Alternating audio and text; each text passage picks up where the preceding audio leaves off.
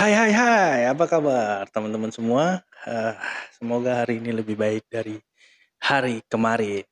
Nah, jumpa lagi di The Baskoro Scale Up Podcast dengan acara Teh Manis Celoteh Masalah Bisnis. Oke, hari ini gue akan membahas tentang 9 amazing cash flow yang keempat. Nah, 9 amazing cash flow yang keempat adalah menghitung keuangan dengan benar.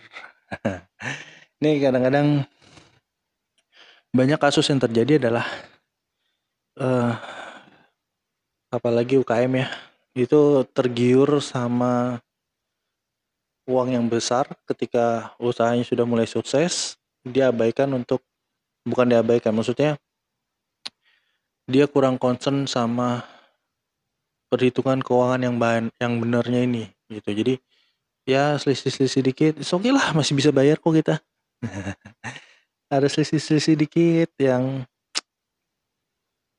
udahlah ditolerir Nah, jadi jangan lakukan itu.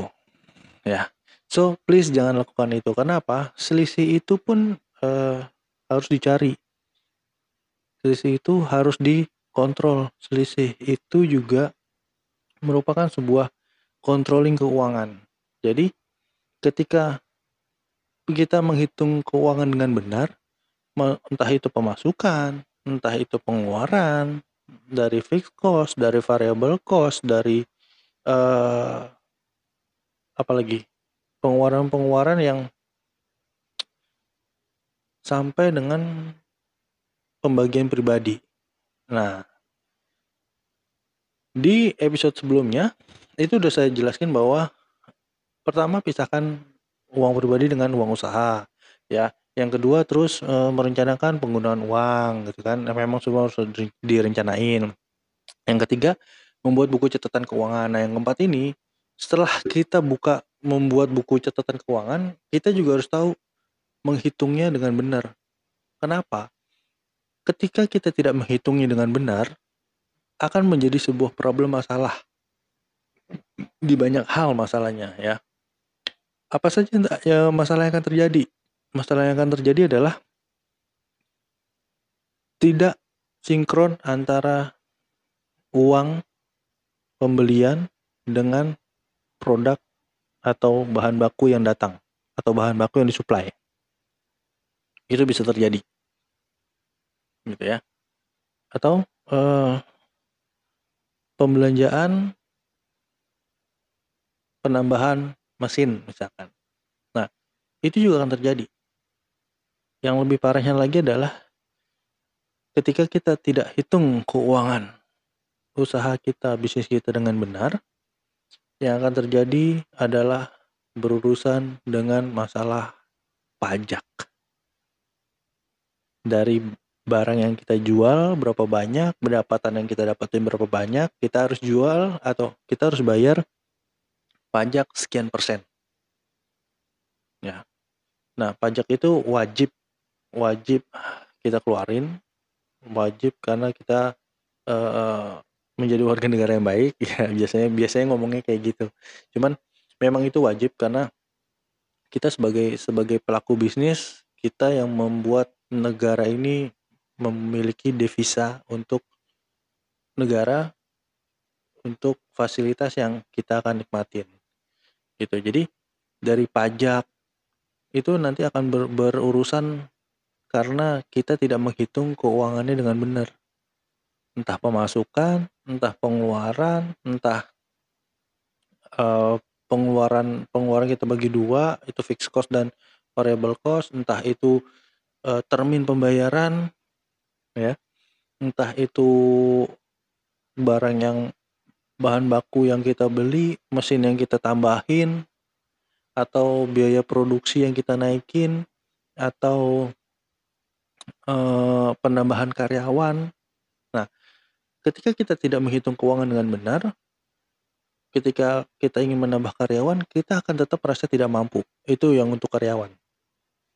Padahal ketika kita menambah menambah karyawan itu dengan cara kita melihat juga order yang masuk, permintaan yang masuk.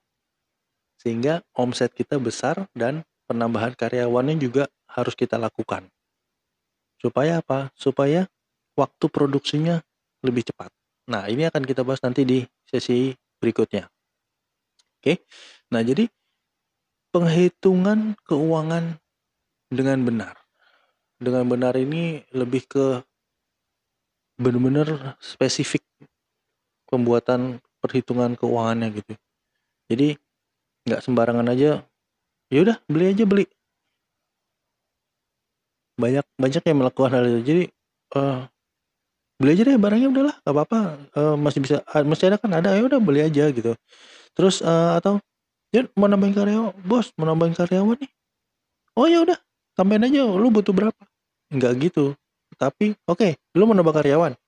Boleh boleh. Kita lihat dulu.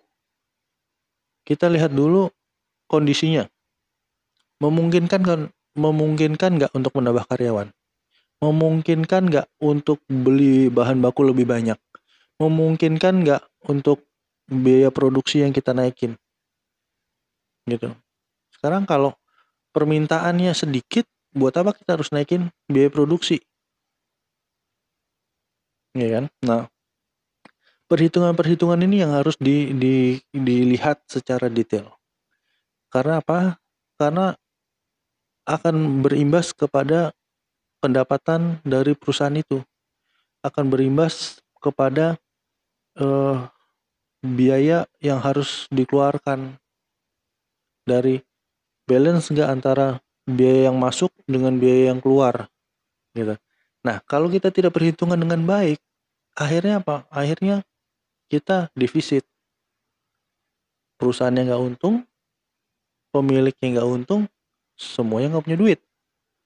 Nah ini yang jadi problem.